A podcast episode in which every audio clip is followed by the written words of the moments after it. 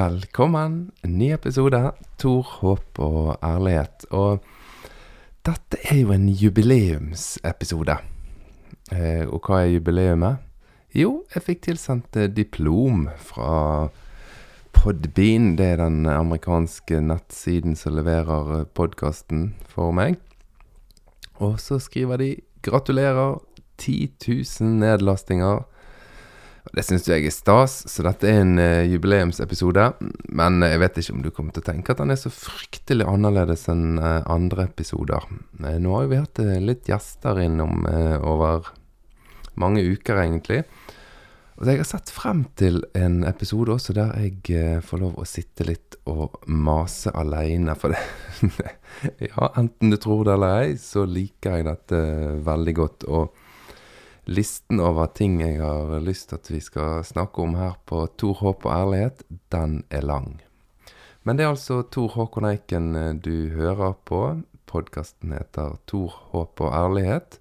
Og den blir gitt til deg av de som har registrert seg som patrions på den støttesiden til eh, Tor Håp og ærlighet-podkasten. For det er ingen tvil om at det er litt kostnader med å holde på med dette. Men nå får jeg støtte fra flere av dere lyttere, så det begynner å være mulig å fortsette å utvikle denne podkasten. Takk for det. Og takk til alle dere som har lastet ned. Det er jo kjempegøy at det er interesse for å se hvordan kristen tro ser ut i 2021, og om det finnes noe klokskap i de gamle tekstene, om vi fortsatt har noe å hente fra denne Bibelen kan hende du føler litt som meg, at eh, spørsmålene blir flere og flere, og svarene blir vagere og vagere på mange områder. Men jeg syns allikevel at jeg lærer mye. Og da tror jeg kanskje at du òg lærer en del. Altså disse gjestene som kommer inn, bringer jo inn mange tanker som jeg opplever som gode å jobbe med. Og siden det er jubileumsepisode, så skal vi snakke litt om akkurat det. At det er mange mennesker som kan bringe inn tanker som er verd å jobbe videre med. Men i, før vi gjør det, så er jeg nødt til å snakke med deg litt om noe som heter Eller jeg vet ikke om det heter det, men noe som jeg kaller for felles minne eller kollektivt minne. Det hørtes ut som et ord som finnes. Kollektivt minne, ja, det er helt sikkert et begrep som brukes. Og det er, det er nå engang sånn at vi som personer, enkeltpersoner, du og meg, har minner. Vi former disse minnene sjøl. Vi tar vare på noe av det. Og veldig ofte så tolker vi våre egne minner, og så rydder vi i de, sånn at minnene passer med historien vår. Og dette gjør vi ofte ganske ubevisst. Hvis vi har gjort eh, noen eh, ganske dårlige ting, så runder vi av de skarpe kantene ofte etter hvert som tiden går. Og så lagrer vi minnene på en måte som passer med vår historie og vår identitet. Veldig ofte så er det sånn at vi når vi ser på våre egne valg og våre, vårt eget liv og våre egne minner, så ja, så pynter vi litt på det. For vi ser motivet bak handlingen. Ja, men jeg mente jo det sånn, og jeg mente det sånn. Eh, sånn at vi ser på motivet og følelsen bak det vi gjorde. Så har vi en eh, interessant og litt skummel evne til å ikke gjøre det overfor andre. Der ser vi ikke på motivet, der ser vi på selve handlingen. Og så holder vi den handlingen imot mennesker, gjerne. Ja, men han sa det. Punktum. Og da er den personen kategorisert i den dårlige klassen. Eller hun gjorde det, og så kategoriserer vi henne i den gode klassen. Alt dette gjør vi for å ha litt sånn enklere forhold til hverdagen. Vi klarer ikke å forholde oss til all informasjon og alt som skjer. Men det kan være sunt innimellom å så jobbe litt med å se på motivene til andre mennesker, og våge å se at det, det kanskje ikke var ment så ille som det var sagt. Kanskje det finnes en årsak, og det betyr ikke at vi skal unnskylde dårlig oppførsel og så bare la det være sånn, men det kan gi oss noe større raushet i møte med mennesker. Men uansett, vi ordner og fikser på minnene våre. Og så har vi noe som blir sånne kollektive minner. Altså et, et folks historie og et folks minner. Det blir også pyntet og ordnet. Noen ganger veldig bevisst, men veldig ofte så gjør vi dette her faktisk i fellesskap også, sånn som vi gjør det for oss sjøl. Rydder og pynter og pusser litt på minnene, sånn at de passer inn i en historie som vi kan leve med. Jeg skal ta et eksempel til deg. Du lever i et land Mest sannsynlig, nå ser jeg at det er noens Det begynner å bli litt nedlastninger på podkasten. Der skal jeg fortelle noe litt gøy. Jeg har sett det var noen nedlastinger fra andre land, og så har jeg lurt litt på Jeg lurer om det er norsk, norsktalende mennesker som laster ned denne podkasten. Og så har jeg skjønt at ja, det er jo det. Altså folk, norske mennesker, folk som snakker norsk, som bor i ulike land, laster også ned Tor og Ærlighet-podkasten og hører den. Men, men, jeg fikk en fin tilbakemelding fra en i England, da. Han hørte podkasten min hver kveld, og likte spesielt de episodene der det var bare meg som snakket. Han skjønte ikke et ord av det som ble sagt, men han syntes det var helt nydelig å, so å sovne til denne podkasten. det er et fint kompliment. Ja, det var et sidespor, men var ikke den litt koselig, da?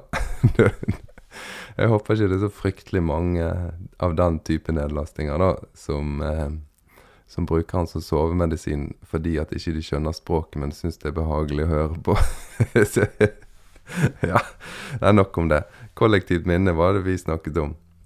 Altså vi i vårt land, og du lever i et land, mest sannsynlig da, som nordmann, der vi har laget også historien vår på en sånn måte at vi kan eh, leve med den.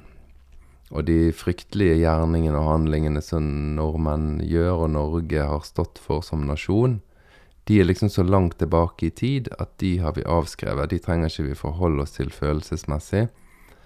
Mens i nyere tid så pynter vi på fortellingen sånn at vi kan leve med den. Um, for eksempel, hvis jeg sier til deg Hvem var den første som oversatte Bibelen til et morsmål Hva tenker du da? Riktig. Du tenker Martin Luther. Og hvis jeg sier til deg at før Martin Luther så foregikk gudstjenestene på latin, og de som var til stede, skjønte ikke noe av det som ble sagt, så nikker du litt sånn gjenkjennende. Ja, sånn er det. Ja, det er en del av vårt kollektive minne. Det har bare blitt sånn. Men det er jo langt fra sannheten eh, Altså, Bibelen var oversatt til mange morsmålland lenge før Martin Luther. Og det er klart at andakter og sånt i, i kirkene, i, både i Norge og resten av Europa, var selvfølgelig ikke på latin. Det var ikke sånn at folk satt og hørte taler på latin uten å skjønne en puck.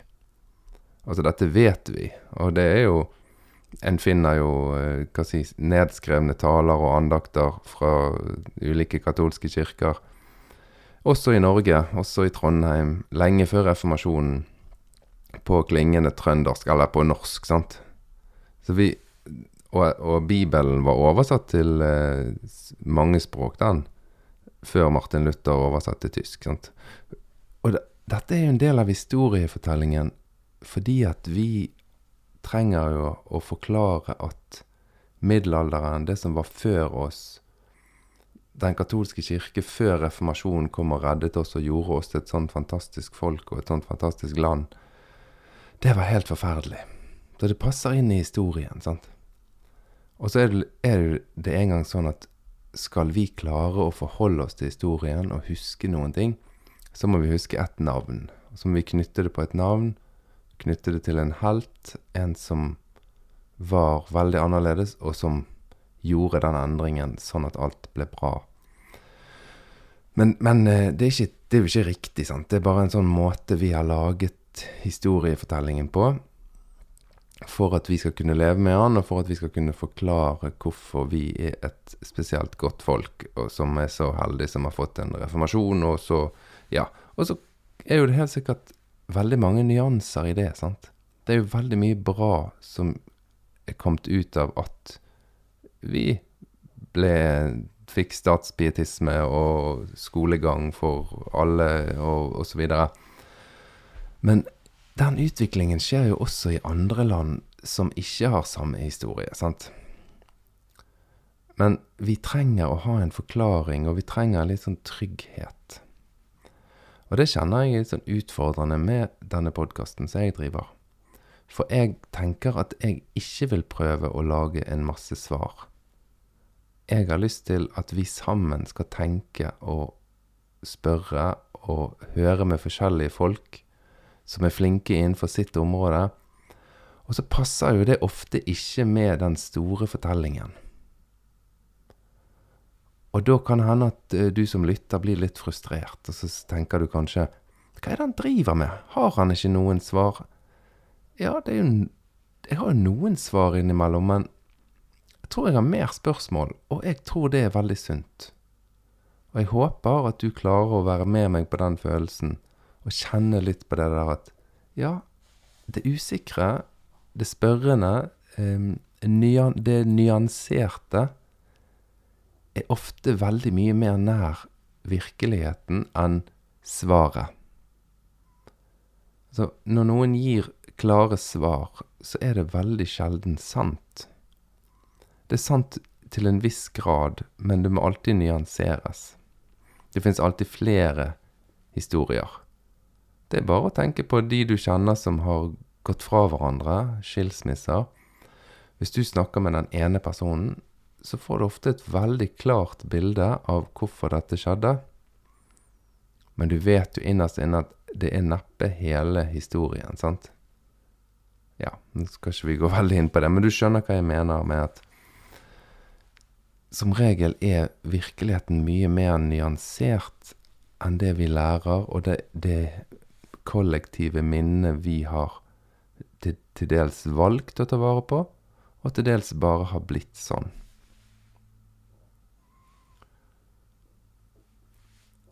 I forrige uke så, så jeg Den største forbrytelsen. Det er en film som du kan uh, se nå. Jeg tror han er på TV2 Sumo. Du trenger ikke ha abonnement, men du får kjøpt filmen for 159 kroner der inne. Og det må jeg si, det er en film jeg håper veldig mange nordmenn ser.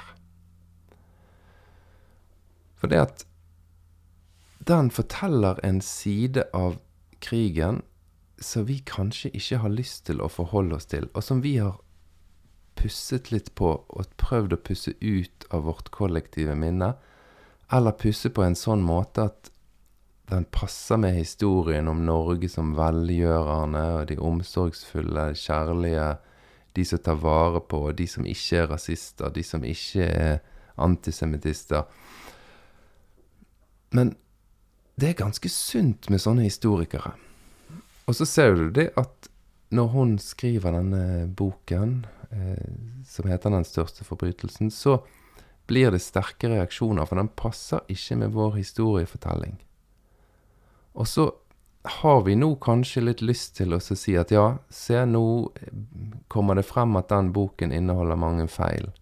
Og så blir hele fortellingen og hele den boken avskrevet som feil. Men det kan godt hende at hvis du ser mer nyansert på det, så finner du noen små feil. Dette vet jeg ikke, men det kan godt hende at du bare finner noen små feil. Og på den måten så kan vi dementere, ta fra hverandre hele boken, og så er den liksom ikke gyldig lenger, da. Også fordi at den passer ikke inn med historiefortellingen som vi har om oss sjøl. Men filmen, den er basert på sanne historier om mennesker som ble grusomt behandlet av det norske politi og det norske folk. Og ved rettsoppgjøret etter krigen så tok vi ikke oppgjør på noen måte med de nordmenn som sto for dette grusomme overgrepet mot den jødiske befolkningen i Norge. Så vi eh, plukker og styrer, og så vil vi Vi vil tro på svarene. Siden dette er en jubileumsepisode, eh, så var jo ikke det meningen at den skulle bli så alvorlig som det. Men sånn er det nå. Torhåp og ærlighet har en tendens til å bli litt sånn. Og i dag så skal jeg gå videre, så skal jeg lese noe annet som gjelder for oss, for oss mennesker. Det gjaldt for 3000 år siden, og det gjelder fortsatt. Og sånn syns jeg det, det syns jeg er så spennende med de gamle tekstene. At du finner holdninger som menneskene har kjempet med til alle tider, og som vi kjemper med også i dag. Dette med historiefortelling, som jeg akkurat nevnte, det, det er jo en trygghetsmanøver vi gjør. Sant? Både for å holde orden i hodet, og for å kunne plassere oss på det gode laget, som i en eh, enkel amerikansk actionfilm, så trenger vi å vite hvem som er de onde, og hvem som er de gode. Og vi vil jo veldig gjerne være på det gode laget, selvfølgelig, uansett. Det er akkurat som eh, vi har nevnt før her i denne podkasten. Fortellingen om eh, israelsfolket som reiser ut av Egypt, og Gud straffer egypterne. Så er det veldig sjelden at jeg har hørt den som en andakt der virkeligheten Virkelighetens fremstilling mer som i dag, da. Den ville jo vært da at vi er egypterne. Vi er de rike. Det er vi som ikke bryr oss om det folket som bor på utsiden av vår mur. Sant? Vi vil være på det gode laget. Så selv om vi er blant de rikeste i verden, og som ikke vil gjøre mye for andre mennesker og andre folkeslag, så identifiserer vi oss allikevel med slavene, de fattige, de uten rettigheter, som rømmer fra overmakten. Det er veldig interessant dette med historiefortelling. Men det er, en, side jeg har lyst til å nevne i dag. Den måten å skape trygghet og forståelse i vår egen historiefortelling. En annen side jeg har lyst til å nevne, det er behovet vi har for helter. Vi trenger konger som gir oss svar. Vi trenger noen som kan si til oss 'sånn skal det gjøres', og så er det de som er ansvarlig hvis det går galt. Og det søker vi etter, og så opplever jeg at de gamle tekstene de oppmuntrer oss egentlig til at, å se at sånn er ikke livet. Det er ikke sunt. Ja, nå skal jeg lese til deg noe som jeg syns er kjempeinteressant. Israelsfolket har begynt å bosette det lovede land. Og eh, de har ingen konger, og det koker litt frem og tilbake. Vi har sett på det før, helt grusomme, groteske ting som skjer, og, og flotte ting som skjer. Og så er det en eh, profetskikkelse som heter Samuel, som på en måte blir en slags leder for folket. Men han Det virker på meg som om at han iallfall er fremstilt sånn, som en som ønsker at folket skal kjenne loven og kjenne i samvittigheten sin hva som er rett og godt, og, og som er litt sånn at ja, det blir litt rotete. Det blir litt uoversiktlig. Du vil ikke ha fasitsvar på livet. Sånn er ikke livet vi må leve, og så må vi ta det hver dag sånn som den kommer, og så må vi jobbe sammen. Men, men Gud skal være deres konge. Og så sier folket nei, sånn vil vi ikke ha det. I 1. Samuel eh, kapittel 8 vers 10 begynner det jeg å lese nå, da. Der står det at Samuel holdt en tale til folket, og folket krevde en konge av han. Og så sier Samuel noe. Dere må ikke be om en konge, for en konge, slik vil han bære seg ad, den kongen som kommer til å råde over dere. Sønnene deres vil han ta og sette dem til å stelle med vognene og hestene sine, og de skal løpe foran vognene hans. Han vil sette dem til høvdinger over tusen og høvdinger over femti, til å pløye åkrene og høste avlingen hans, til å lage våpen til hans kriger og utstyr til stridsvognene. Døtrene deres vil han ta og sette til å lage salver og til å koke og bake for ham. Han vil ta de beste jordene og vingårdene og oljehagene deres og gi dem til sine tjenere. Av åkrene og vingårdene deres vil han ta tiende og gi sine hoffmenn og sine tjenere. Trellene og trellkvinnene deres, de beste unge mennene deres og eslene deres, vil han ta og bruke til sitt arbeid. Av småfe deres vil han ta tiende, og dere selv skal være treller for ham. Da skal dere en dag rope til Herren på grunn av den kongen som dere har valgt, men den dagen skal Herren ikke svare dere. Altså, for å være en bok som er skrevet i blant et folk som har konge, og som opphøyer veldig kongen som kongen som er utvalgt av Gud, så er det ganske rått at de har med en sånn tekst som dette. Der det helt sånn kommer veldig tydelig frem at det var aldri Gud sin plan at dere skulle ha en konge. En som hadde svarene, en som bestemte. Nei, det skal være mye mer rotete. Og sånn er dette livet. Men så svarer folket noe som jeg syns er interessant. Altså Her står den store mannen Samuel frem og sier dette må dere ikke finne på. Så sier folket Men folket ville ikke høre på Samuel. De sa Nei, vi vil ha en konge over oss. Og hør nå. Også vi vil være som de andre folkene. Vår konge skal styre oss, og han skal dra ut foran oss og føre våre kriger. Da, Samuel hadde hørt alle folkets ord, bar han dem fram for Herren, og Herren sa til Samuel, lyd deres ord og sett en konge over dem. Så sa Samuel til Israels menn, gå hjem hver til sin by. Ja. Hvorfor leser jeg denne teksten også? Jo, for dette er liksom den andre trygghetsdelen som jeg har lyst til å nevne i dag, da, som du kan tenke litt på. En konge en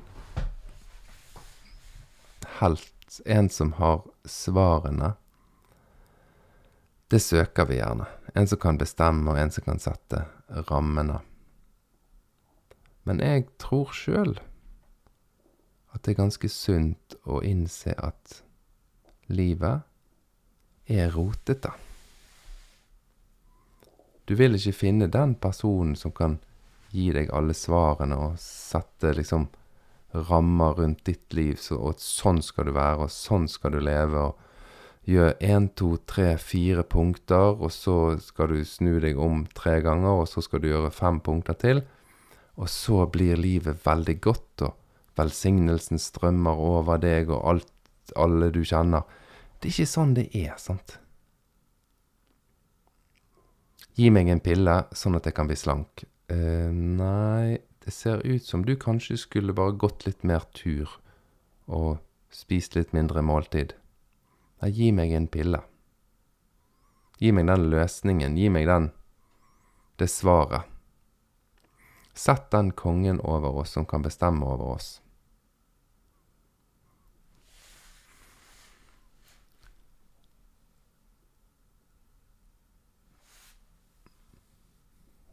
I denne her eh, historiefortellingen og denne kongen som har makten, så kommer det én side til som jeg må snakke med dere om. Og det er at i historiefortellingene så har vi også en tendens til å ofre de menneskene som kommer i veien for historiefortellingen vår. Det gjør oss lite. En historiefortelling jeg hadde hørt om eh, Ingrid Bjerkås, det var at eh, hun var en gammel dame som av egoistiske motiv tok en teologiutdannelse, og hun ville bli prest, ikke for noen andre enn seg sjøl, så derfor valgte hun Senja, et lite sted, langt vekke fra der hun egentlig kunne påvirke og gjøre noe med situasjonen for kvinner i kirken. Hvordan blir en sånn historiefortelling til? Hva er grunnen til at historiefortellingene blir sånn? Hvis du hørte forrige episode, så hørte du om en kvinne som reagerte sterkt på tyskernes invasjon av Norge. Og som opplevde at Gud la på hennes hjerte at vi må gjøre noe. Du hørte om en 40 år gammel husmor som ikke hadde utdannelse, som ikke hadde gjort noe yrkesmessige ting, som tar med seg et Nytestamente, og så lurer seg forbi politisperringene, der så Terboven, den mektige tyske lederen for, for Norge, skulle holde sin tale. Og hvordan hun går over hele Slottsplassen og frem og konfronterer den tyske okkupasjonsmakten. Du lærte også om en eh, kvinne som gikk i rette med Quisling. Og når Quisling ikke svarte hun, så sendte hun på nytt brev i, med sånn rekommandert sending, sånn at han måtte få brevet. Og når de ville erklære hun syk, så reiste hun rett hjem til den livlegen som Quisling hadde, og konfronterte han. Og du lærte om en kvinne som eh, sto i fronten på læreropprøret mot den tyske okkupasjonsmakten. Hvorfor er ikke det en del av historiefortellingen som har gått kjapt videre rundt Ingrid Bjerkås? Hva er det som gjør at den andre historiefortellingen var lettere å dele videre?